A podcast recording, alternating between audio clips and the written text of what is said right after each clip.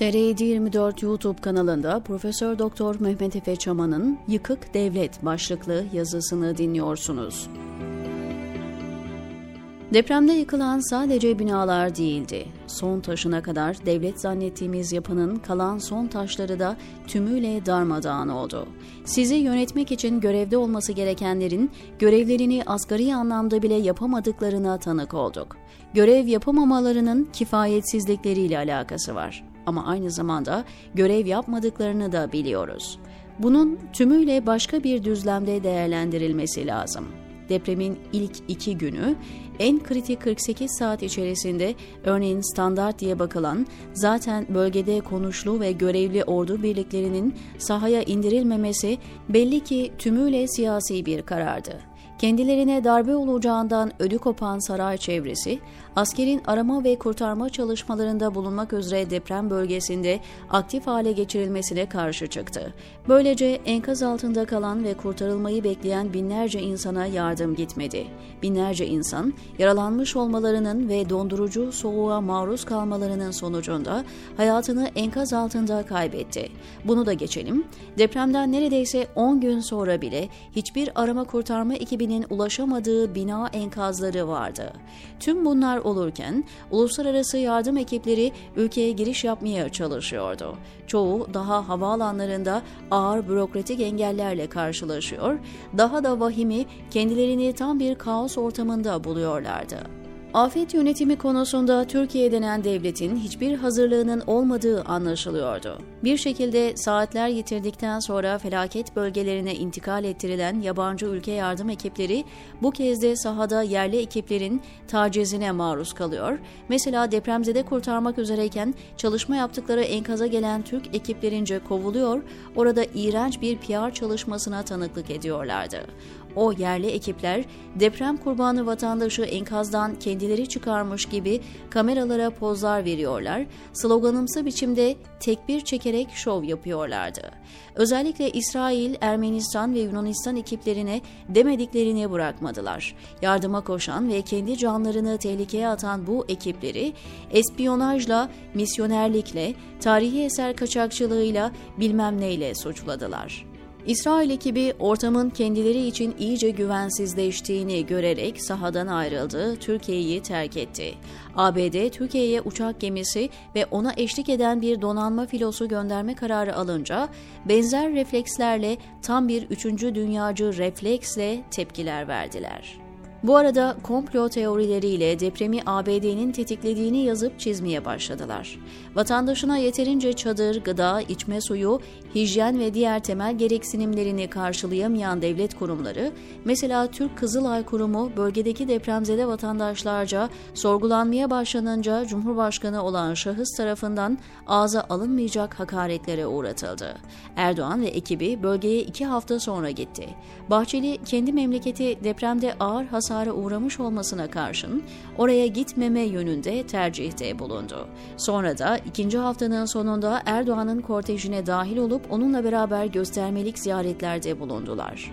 Ben depremden sonra neredeyse 20 gün ne yazacağımı bilemediğimden yazılarıma ara verirken depremin felakete dönüşmesinin siyasi mimarları pişkinlikle açıklama üstüne açıklamalar yaptılar.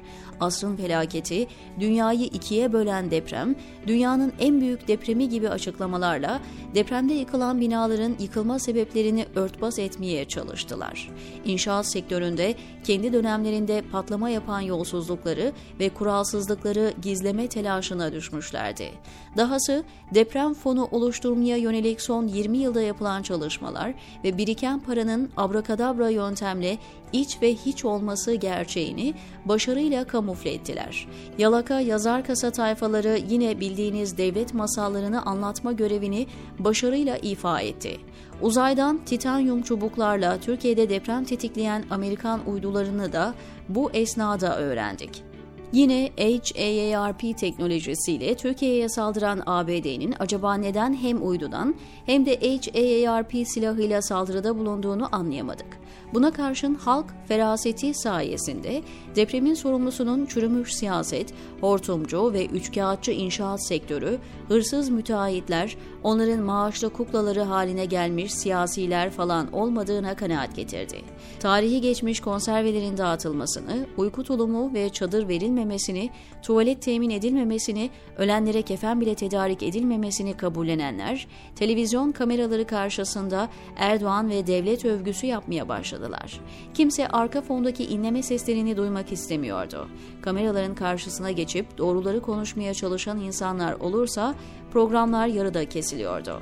Medyasından kamu yönetimine, kolluk gücünden kurtarma ekiplerine, siyasi karar alıcılardan diyanetine, üniversitelerinden sivil toplumuna büyük bir çoğunluk kader kısmet muhabbeti yapıyordu. Deprem sonrasında Türkiye denen devletin bazı bölgelerinde asayişi bile sağlayamadığını gördük. Talan, yağma iddiasıyla sokak ortasında öldürülen, ağır darbe uğratılan vatandaşların yanında polis ve jandarma gözetiminde resmi dairelerde insanların kamera karşısında işkence görüntülerini izledik. Suriyeli, Arap, Kürt vesaire oldukları için ayrımcılığa maruz bırakılan insanlar vardı. Bu insanlardan bazıları enkaz altında seslerini çıkarmamayı seçmişlerdi çünkü Türkçe bilmedikleri anlaşılırsa kendilerini kurtarmaya gelmezler diye düşünmüşlerdi. Bazı siyasi partilerin yöneticileri Suriyeli sığınmacı nefreti söylemlerini deprem sonrasında da sürdürdüler. Sadece Ümit Özdağ değil, Meral Akşener de demografi ve güvenlik kaşımak üzerinden ırkçılık yapıyorlardı. Devlet zannettiğiniz çete bu arada ağır hasarlı, hatta kısmen yıkık binalara sağlam diyor, insanları o binalara dönmeye çağırıyordu. Ardından Hatay'da bir artçı daha meydana geliyor. O hasarlı binalardan bazıları uzmanların işaret ettiği üzere gerçekten de yıkılıyordu.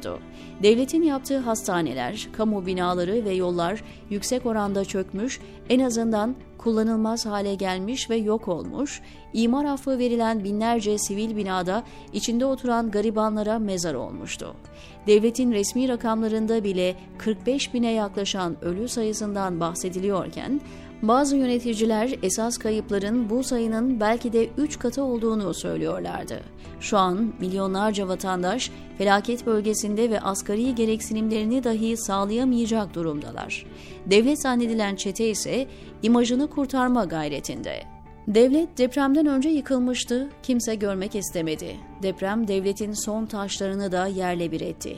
Asli görevlerini yapmakta bu denli aciz bir devlet var olamaz. Bu devleti ona dadanan bir çete bitirdi. Bunu bilerek ve isteyerek yaptılar.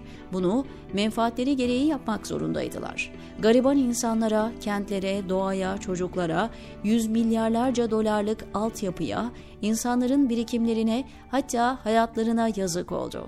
Siyasetin hukuksuzlaşmasını son 7 yıldır yüzlerce yazıyla anlatmaya çalıştım. Ama sanırım bu deprem sonrası gördüklerimiz her şeyi daha anlaşılır kıldı. İnsanlar artık gerçekleri görecekler mi? Uyanacaklar mı? Zaman gösterecek, diyor Mehmet Efe Çaman TR724'teki köşesinde.